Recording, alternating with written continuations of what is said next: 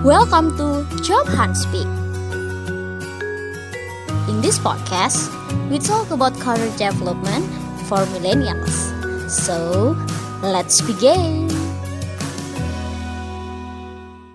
Halo Job Hunters, selamat datang di Job Hunt Speak. Kali ini saya Irsad yang akan menjadi host. Saya host tamu di sini, jadi saya juga ada podcast dan sekarang lagi berkolaborasi dengan Job Hunt Speak dan saya menjadi host di sini. Saya ucapkan selamat datang ke tamu speaker spesial kita pada hari ini. Selamat datang di Job Hunt Speak kepada Mas Rizwanda. Saya juga baru ketemu di podcast ini. Oh ya, halo Mas Irsad. Ya, apa kabar? Alhamdulillah baik. Saya sudah beberapa kali sering dengar tentang Elina sih di grup komunitas gitu, Mas. Oh iya, wah. Tadi sudah uh, kalau lihat-lihat di sosial medianya udah, cuman kalau di websitenya saya baru scroll beberapa sih, jadi belum terlalu dalam isinya apa. Tapi kan oh. memang tujuan podcast ini biar teman-teman juga sekalian tahu, jadi saya tahu dan teman-teman job hunters juga tahu gitu ya. Ya betul. Uh, Oke, mungkin bisa dimulai untuk Mas Rizwanda memperkenalkan diri dan juga tentang Elina Med sendiri. Oke, ya. Makasih uh, waktunya Mas Irsat. Halo hmm. semuanya. Jadi uh, nama saya Rizwanda Nurisa, saya seorang dokter. Uh, saya lulusan FK UNER 2013. Uh, harusnya saya berangkat internship tahun ini. Buat yang nggak tahu internship, internship itu kalau sudah lulus kedokteran harus mengabdi satu tahun di daerah begitu. Hmm. Uh, tapi karena COVID, nah saya jadi mundur ini. Oh iya iya iya. Gitu.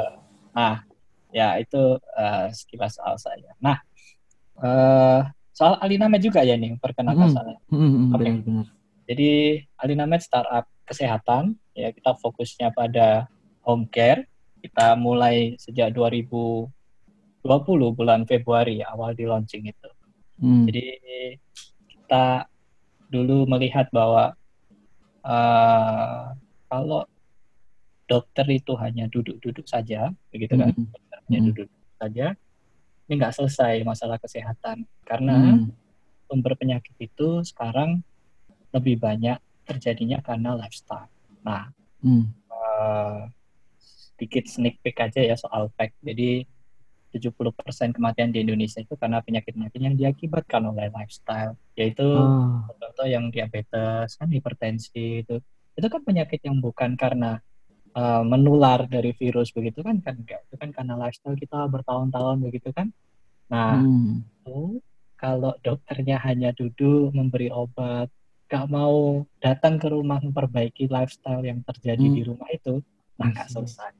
Maka dari itu kita dorong dokter-dokter itu untuk home datang ke rumah menyelesaikan masalahnya itu langsung ke akarnya itu di rumah lifestyle yang diperbaiki Gitu. Wow, oke oke iya. Ini keren sih memang ya kan biasanya dokter emang nunggu nunggu pasien datang ketika mereka sakit gitu kan Mas ya. Ah iya benar. Uh, cuman kan untuk mengantisipasi itu kayak gimana itu mungkin yang uh, saya juga sebagai masyarakat umum ya memang ya baru nggak sekarang sih oh iya ya kayak ya. gitu gitu ya.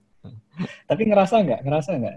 Ngerasa, ngerasa banget. Iya sih, bener juga gitu ya. Nunggu batuk parah dulu baru kita ketemu dokter kan oh, gitu biasanya ya. Uh -uh. Mm-hmm. Ya itulah. Iya iya. Oke, kemudian mungkin bisa di-mention juga tentang daily activity dan juga uh, untuk layanan yang diberikan oleh Alinamid sendiri seperti apa, Mas? Oke. Jadi ini kita kan launching Februari ya 2020. Hmm. Hmm. Nah, uh, Maret itu ada COVID. Iya sih. Jadi gini, dulu itu ya waktu Februari Februari itu kita uh, banyak kan datang ke rumah gitu kan uh, market apa segmen kita itu ibu-ibu gitu kan yang hmm. kerja terus dia yang aktif organisasi juga misalnya di PKK sehingga dia tuh fluent apa uh, app juga fluent WhatsApp juga fluent gitu kan biasanya hmm. punya anak kecil suaminya kerja nah gitu jadi nggak bisa dia punya waktu untuk ke dokter sehingga dokternya datang ke rumah Ramai hmm. kita dulu, kita dua minggu launching udah 200 download, hampir 300. Nah, wow. terus uh, COVID ini kan nggak bisa kita home care. Karena prinsip kita kan selain aman untuk pasien juga harus aman untuk dokter juga gitu kan. Mm. Nah, uh, kedua orang ini bisa saling menulari satu sama lain. Habis care si A, nge-home care si B, aduh si B bahaya ini. Bisa ah. kena ini nah gitu. Sedangkan ingat di awal-awal Maret itu uh, eh, APD, APD itu alat hmm. pelindung diri ya, masker apa itu kan mahal luar biasa. Hmm. Mahal luar biasa. Yang biasanya dijual 30 ribu masker bedah itu jadi hmm. dua ratus dua puluh ribu. Wah, kita nggak bisa, kita nggak bisa uh, memprovide itu.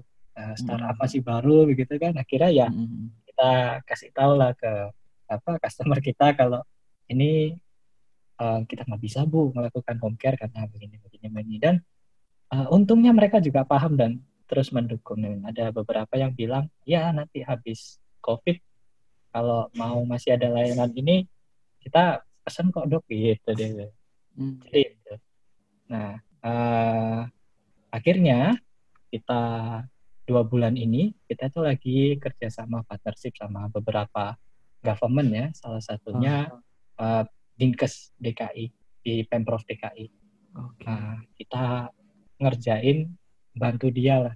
Sebenarnya uangnya juga nggak banyak tapi ya udah nggak apa-apa karena semua harus segera gotong royong menyelesaikan hmm. corona kan. Nah okay. kita bantu dia untuk bikin platform jadi tracking, test, treatment, monitoring semua dalam satu app. Jadi app Alinamed berubah agak pivot untuk melayani government itu. Nah itu yang kita lakukan uh, saat ini. Hmm, oke hmm, oke. Okay, okay. Cuman mungkin uh, berarti awal awalnya itu sebenarnya layanan kalau bisa dirinci jadi satu dua tiga itu jadi satu apa dua apa gitu ya. Mungkin yang sekarang kan konsep berubah gara-gara covid gitu nggak sih mas ya?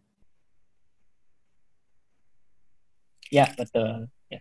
Jadi layanan untuk yang sekarang ya, yang uh. sekarang kita di tracking uh, hmm. untuk government ya kita melayani hmm. government sekarang kita di tracking GPS gitu kan hmm. geocoding semua kita tahu uh, lokasinya orang ini kalau matiin HP kalau orangnya bandel gitu kan HP-nya dimatiin terus dia mudik gitu wah kita tahu gitu iya iya iya ya serius terus kita bikin symptom checker berbasis AI jadi itu uh, 13 pertanyaan begitu nah, mm. multivariabel sehingga kalau itu dijawab orang bisa tahu oh sekarang saya lagi ODP terus saya harus hmm. bagaimana rumah sakit terdekat mana gitu kan okay. kita juga bikin lagi uh, untuk telemedicine juga kita kasih hmm. di dalam orang bisa nelpon dokter ya gitu hmm. gitu sekarang oke okay, oke okay.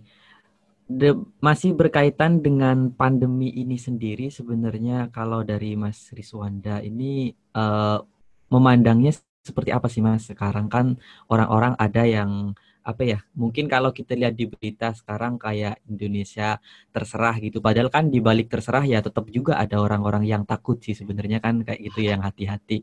Nah kalau dari Mas Riswanda sendiri uh, memandangnya seperti apa kondisi pandemi sekarang ini? Oke jadi uh, saya ngutip ini ya uh, Hermawan Kertajaya. Jadi uh, pandemi bisa dimaknai dua sisi ya ada sisi optimisnya yaitu opportunity. Nah, ada sisi dangernya juga, risknya yang kita hmm. juga nggak boleh mengabaikan.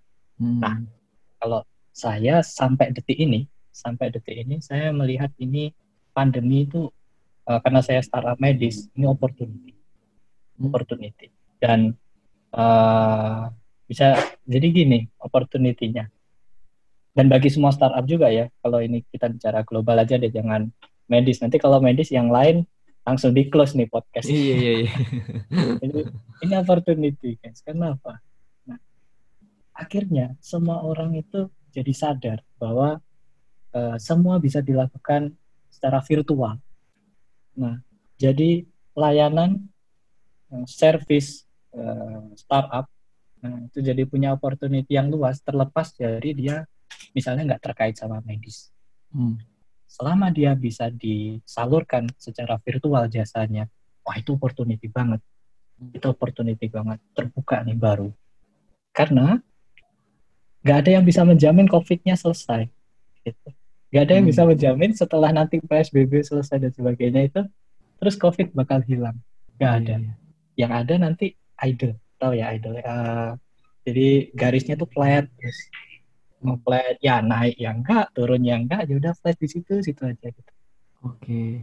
jadi kayak TB nanti uh, jadi berapa kematian per bulan gitu nah akhirnya gitu nah hmm. itu opportunity yang saya lihat ya banyak uh, saya lihat banyak orang bikin prediksi yang katanya nanti medis akan naik banget terus travel akan turun banget kan begitu ya? Uh, iya iya benar benar. Kan begitu. Nah, tapi gini, kalau misalnya nih misalnya ini pertanyaan terbuka aja deh pikiran saya. Kalau misalnya itu travel atau laser itu, nah hmm. digabungkan sama medis. Jadi contohnya orang itu kita paketin kalau dia mau wisata itu sekalian sama berobat juga. Di Indonesia CT scan murah 64 slide. MRI yang berapa Tesla yang canggih-canggih itu di Surabaya lebih murah daripada Singapura. Sekalian hmm. aja ke sini, gitu kan. Di Bali hmm. juga ada sambil liburan dipaketin, dipaketin begitu kan. Udah sama akomodasinya, sama makannya, sama hotelnya begitu kan. Satu hmm. minggu di ke rumah sakit. Selesai ketemu dokter, lanjut lagi besok senanya ke pantai kan begitu. Hmm. Nah kalau kayak gitu, si laser sama si agensi travel ini apakah akan merah atau ya kan begitu kalau merah gitu kan uh, saya ah. lihat ada pernah ada apa uh, ini apa prediction gitu ya mm-hmm. merah banget tuh agensi itu kayaknya udah mau mati gitu udah gak ada nyawanya udah mau ditinggalkan semua orang mm-hmm. coba kalau digabung kayak gitu apakah jadi merah yang begitu begitu belum ada di ulik Surabaya oh. Parkinson yang bisa di Indonesia cuma ada di Surabaya kalau mau dipaketin bisa orang hmm. dari Malaysia datang operasi ke sini paketin di Surabaya sambil jalan-jalan ke Ampel misalnya sambil oh. jalan mana saat transportnya saat ini apa sebagainya lah di total hmm. semua itu seribu persen lebih murah daripada yang di Singapura hmm. padahal dokternya sama sekolahnya sama hmm. nah gitu ini contoh aja sih contoh iya iya iya benar benar pinter-pinter aja nih agility-nya gimana ah. gitu Oke. Nah, kemudian mungkin ini Mas Riswanda yang ada di dunia medis bisa dibilang seperti itu kan ya. Nah, ada nggak sih cerita sesama tenaga medis yang mungkin realita di lapangannya? Karena sekarang berita banyak banget itu sampai kadang kita kan memilih mana yang benar, mana yang enggak kan nggak tahu. Dan nah, mungkin kalau ada ya. cerita dari Mas Riswanda sendiri yang ada di lapangan seperti apa. Sekarang mungkin ada cerita dari temennya yang terjadi di berita kayak gini kita bacanya ABCD padahal yang terjadi cuma A aja atau B aja gitu loh mas. Oke. Okay. Ya. Uh, saya akan cerita soal saudara saya. Jadi hmm. kebetulan hmm. saya punya saudara ini dia ikut pelatihan uh, di salah satu institusi pemerintah karena dia kerja di situ yang mengurusi keagamaan. Hmm. Nah, udah kebayang ya kira-kira apa ya? Yeah, yeah. Sering di TV kok sering muncul. Nah, ketika uh, salah satu dari peserta di situ, eh ternyata kena COVID. Nah, hmm. saudara saya ikut di situ. Nah, terus habis itu pulang satu minggu dan mulai panas, batu, nggak tahu, gitu kan? Ya udah uh, diobati biasa aja, gitu kan? Ini ini di di adalah di salah satu kabupaten agak uh, uh, bukan di Surabaya salah satu kabupaten itu kan. Nah itu akhirnya volunteer datang gitu kan ke puskesmas. Belum nggak ada rapid test waktu itu. Ini bulan anu ya uh, bulan Maret ya. Oh iya iya bulan Maret bulan Maret. Ya kan di, uh, diumumin tuh awal Maret saya lupa tanggalnya sama Pak Menkes. Diumumin awal Maret. Ini masih bulan Maret akhir. Gak ada rapid test. Akhirnya uh, di puskesmas itu ya sudah disuruh isolasi gitu kan. Gak taunya satu keluarga anaknya ini semua jadi punya gejala covid. Wow. Nah, punya gejala covid. Nah terus habis itu cuma dimonitoring aja pakai HP ini yang terjadi. Jadi waktu dilabeli itu misalnya dilabeli apa PDP kan? PDP ya karena belum di rapid test belum di apa. Kalau sudah di rapid test sudah di uh, swab kan jadi positif atau negatif gitu. Hmm. PDP ini yang uh, sengsara. Karena di satu sisi nah dia nggak bisa segera gitu kan tahu statusnya apa karena nggak ada alat diagnosanya. Yang kedua dia mau balik ke rumah atau dia mau stay di puskesmas itu dia ke paskes misalnya fasilitas kesehatan nggak ada ruang isolasinya. Hmm. nah akhirnya betul kejadian. Si saudara saya ini satu keluarga ini pernah mengalami gejala yang sama telepon puskesmas. Akhirnya dibawain ambulan. Nah sudah ke puskesmas ambulan datang ke rumah begitu kan bawa ke rumah sakit. Dia nunggu di rumah sakit berapa jam? Dua setengah jam. Dia nunggu di rumah sakit eh rumah sakit di ambulan dua setengah jam gak dibuka jendelanya. Gitu. Dia cuman sama anaknya di situ. Karena apa? Di rumah sakitnya gak siap.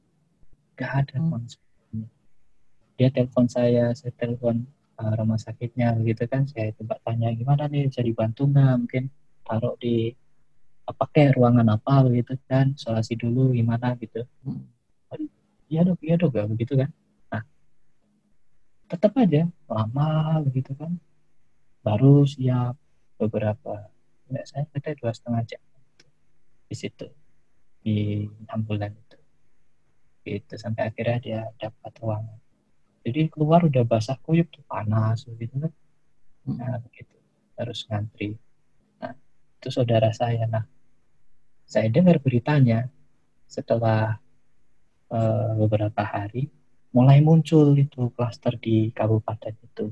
Saya nggak bisa bayangin itu gimana penanganannya orang yang kasus awal kayak saudara saya aja mesti nunggu lama di ambulan gitu kan. Hmm. Bayangin ada beberapa klaster yang sama, misalnya dua atau tiga kepala keluarga punya hmm. simptom yang sama karena masa inkubasinya 14 hari sama. Hmm. Nah ini ambulannya bagaimana nggak cukup? Mau datang sendiri nunggu juga di rumah sakit, gitu kan? Nggak bisa masuk, mau pulang juga nggak bisa. Mau di rapid test nggak ada rapid testnya. Mau di swab nunggunya lama, dua bulan waktu itu saya ingat. Gitu. Nah itulah itu yang uh, beberapa pengalaman uh, yang saya alami ya saya jongkat nolong uh, saudara sendiri banyak sebetulnya cerita-cerita yang lain dari sejawat-sejawat saya cuman ya uh, kurang elok juga karena saya nggak mengalami kalau yang ini kan saya mengalami jadi hmm. saya bisa lebih saya bisa tanggung jawab lah atas cerita ini begitu. Iya iya iya benar. Banyak hoax ya sekarang. Okay. Uh, uh, uh. Nah, itu kalau sebenarnya kalau di lingkungan kita kan pasti kayak ada pro kontra gitu Mas ya. Maksudnya hmm. ada orang yang benar-benar uh, hati-hati, ada yang ya udahlah gitu kan. Terus kemudian kita juga menghormati orang-orang yang masih uh, mencari nafkah, masih harus keluar bertemu orang lain. Kalau di sekitaran Mas sendiri sekarang lingkungan sudah kayak apa Mas? Oke. Okay. Uh, eh, kebetulan saya di pulang kampung ya saya di Tuban ya. Oh iya iya. Di Tuban. Nah, yang saya lihat itu orang-orang semakin ke kampung, semakin ke ya kabupaten yang pelosok itu orang nggak terpengaruh sama oh, iya. PSBB. Pasar juga rame, yang lain hmm. juga rame. Tapi juga di satu sisi saya bisa mengerti karena uh, bagaimana ya ini orang dia harus makan kan tiap hari. Hmm. Sedangkan kalau nunggu bansos pun lama, hmm. bansos lama.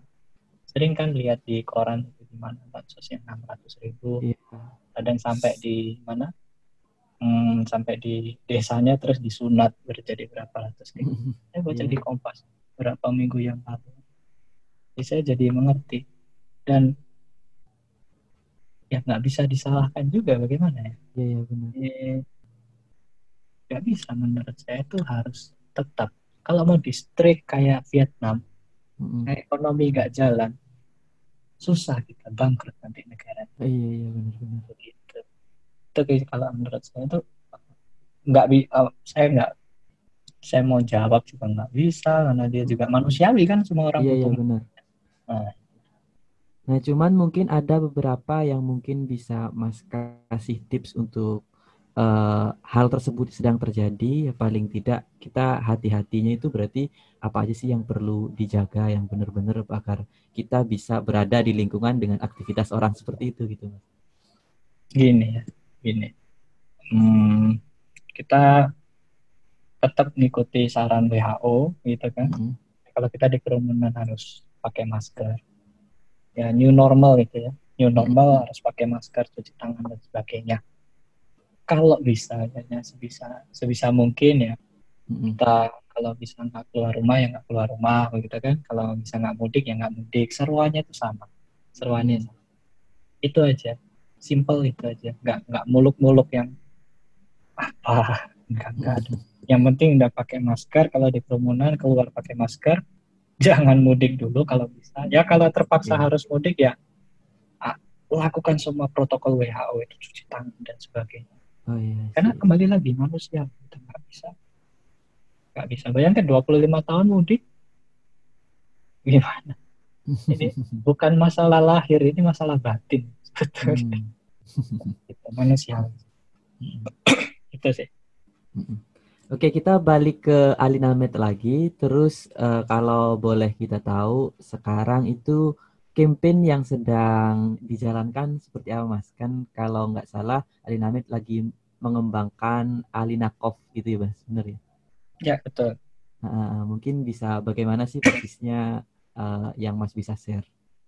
Ya, jadi uh, jadi ini gini, kita Indonesia ini kan agak beda ya strateginya sama luar negeri karena kita semua serba kurang gitu kan. Hmm. Kita akhirnya bikin ODP, OTG, PDP dan sebagainya gitu. Kenapa? Karena kurang alat rapid testnya sama sebagainya. Nah, hmm. kita kasih solusi sama pemerintah. Nah, karena orang itu eh, kalau nggak dilabeli dan dari label itu nanti dia tahu kan kita bantu pemerintah untuk mempercepat langkahnya pakai si Alinakop itu. Jadi hmm. setelah 13 pertanyaan itu orang itu langsung ke record namanya gitu kan nomor hmm. HP dan sebagainya fotonya begitu kan Oke. Okay. Dari ya, dari situ terus kita kasih kalau dia memang PDP gitu kan dengan gejala berat dia langsung ada emergency button ambulan.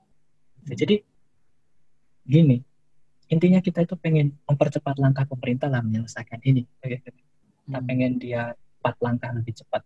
Oke kita bikin Alina COVID tadi tracking, testing, treatment sama monitoring semua jadi satu dah di situ aja. Hmm. Gitu itu sih filosofinya itu di situ sebenarnya simple kok menangani penyakit menular ini simple sebetulnya.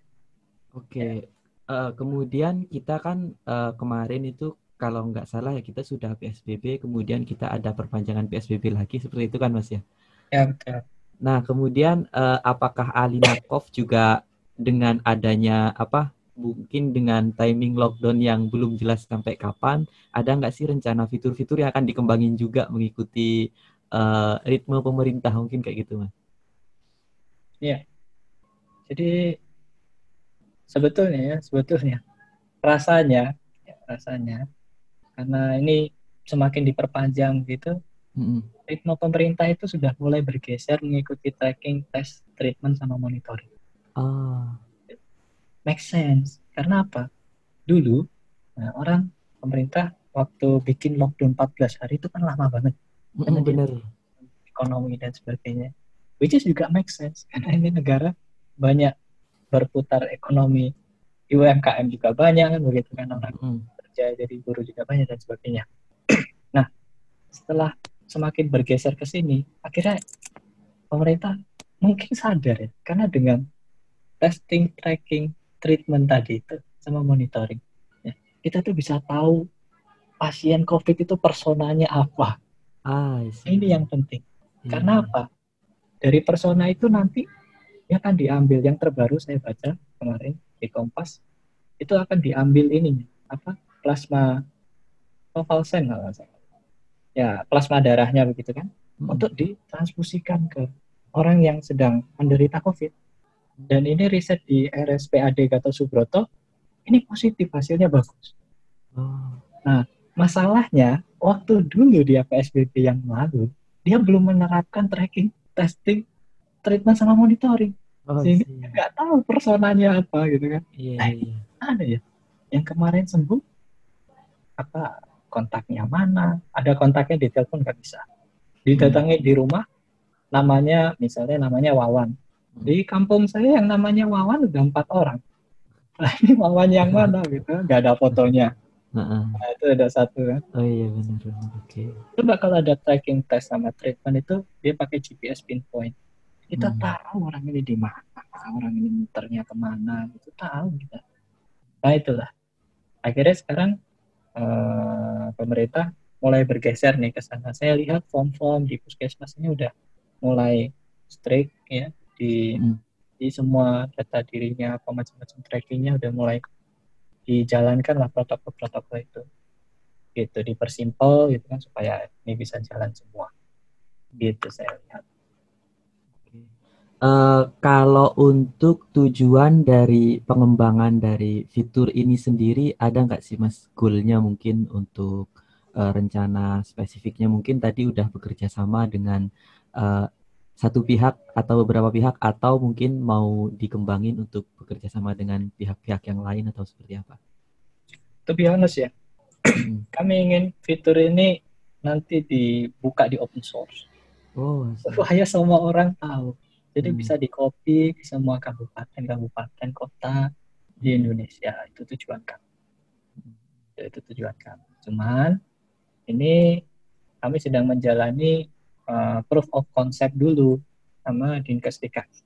Ya kan? Kita lagi jalanin itu dulu karena ya kalau kita taruh di open source belum ada proof of concept ya orang mau make kembali lagi tanggung jawab kita yang post itu apa gitu nggak yeah. ada gitu ya cuma iya. ngepost uh, nggak ada validasi nah ini kita mau validasi dulu kita kan sama dinkes provinsi apa DKI Jakarta setelah itu kalau ini berhasil sukses bisa gampang dan sesuai sama alur BNPB which is kita juga bikinnya begitu pokoknya asal itu bisa dipakai aja. Kita share open source. Nggak apa-apa. Sering membantu sama. Barangkali nanti developer dari Magetan developer dari Madiun semua oh gini tuh caranya oh ya oh gini oh gampang oh, ya udah. Iya, jadi bila selesai lah ini covid. Biar kita juga enak. Ya kita kembali ke ini kehidupan yang lampau.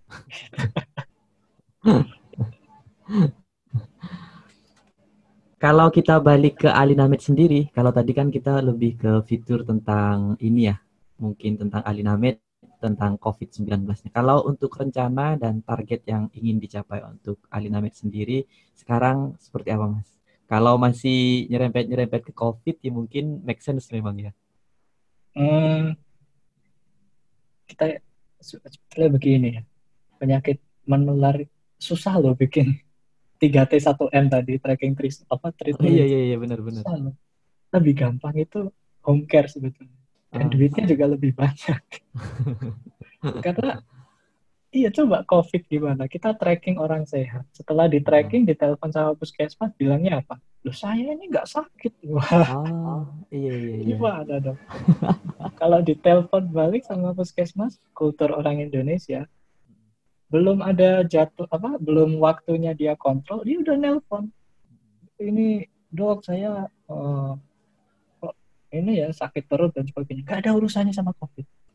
Jadi jadi inilah kultur uh, masyarakat kita yang sebetulnya fitur ini juga challenging mesti banyak adaptasi UI UX juga nanti hmm. kalau target kami malah sebetulnya kami pengen home care-nya itu home care-nya itu karena ini juga bahaya ini kalau nggak diselesaikan penyakit tidak menular ini Mbak, uh, 70% loh kematian di Indonesia karena penyakit tidak menular.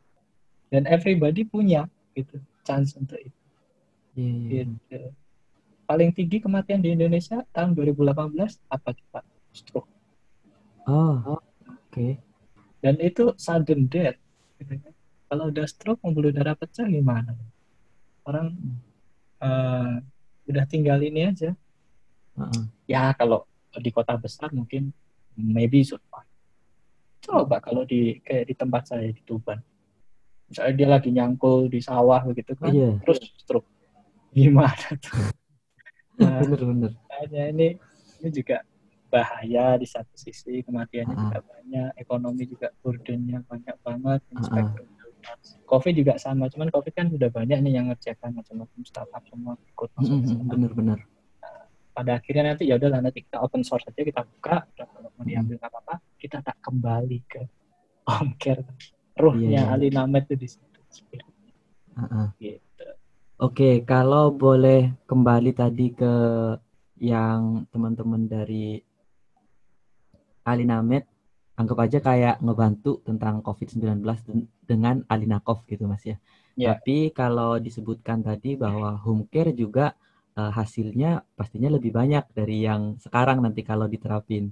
Ada nggak sih kayak kayaknya COVID ini mungkin kita ngerjain sampai batas waktu ini melihat kondisi yang sekarang nanti baru kita uh, balik ke apa purpose startup lagi gitu loh Mas. Oh, kalau iya. ngebaca situasinya terus sekarang kayak gimana? Iya, uh, ini saya agak anu ya buka-buka dikit lah. Iya iya. Jadi jadi kemarin itu ya kemarin itu uh, kita diminta lanjut. Nah setelah COVID lagi dong gitu kan. Oh. Masa ditinggalin gitu, gitu bilangnya aku. di satu sisi mau nolak juga gak mm. bisa iya benar ya udah kenal gitu kan mm -hmm. ya aku bilang iya oke okay lah gitu kan uh-huh. ya maybe maybe bisa ya nanti uh-huh. kita hitung lagi ya jawaban standar startup kalau iya, diminta kerja bener. sama tapi berat nah, kayak gitu kayak gitu sih kita ya gak ada kita uh, kita rencana proof of concept itu sampai uh, Desember soalnya hmm. jadi kalau mau ya paling kita setelah Desember itu tahun 2021 awal Januari kita either tetap di COVID or kita ke home care lagi gitu. Hmm, I see, I see. Moga-moga nggak uh, di ya. kita takut soalnya kadang pemerintah suka gitu kalau udah seneng gitu kan. Iya. Yeah. Ayo dong ini banyak problem kita. Iya di luar juga banyak pak problemnya. bener bener bener. Berarti memang kayak kita harus uh, punya mindset bahwa tahun ini memang kita fighting di COVID gitu mas ya? Uh, saya boleh koreksi dikit. Ya, boleh, boleh. fighting alongside COVID. Oh. Jangan fighting COVID-nya. Oh, iya, iya, alongside di apa with COVID. Hmm. Targetnya apa itu. Hmm. Tapi alongside COVID. Oke, oke, siap. Oke, banyak insight banget yang saya juga sebagai orang yang baru kenalan di podcast dengan Mas Rizwanda dapat uh, banyak pencerahan diskusi obrolan kita di podcast ini. Saya ucapkan terima kasih kepada Mas Rizwanda sudah mau yeah. sharing di Job Hunt Speak. Oke. Okay. Dan untuk teman-teman yang belum follow IG-nya Jobhan, segera follow di @jobhan dan kunjungi juga webnya Jobhan dan kalau teman-teman mau nyari locker atau ikut akademi juga, Jobhan juga adalah sebuah startup karir for millennials. Jadi teman-teman bisa cek di websitenya Jobhan dan juga jangan lupa dengerin podcast kita di episode-episode sebelumnya. Kalau ada saran tentang Jobhan Speak, teman-teman bisa DM juga di Instagramnya Jobhan.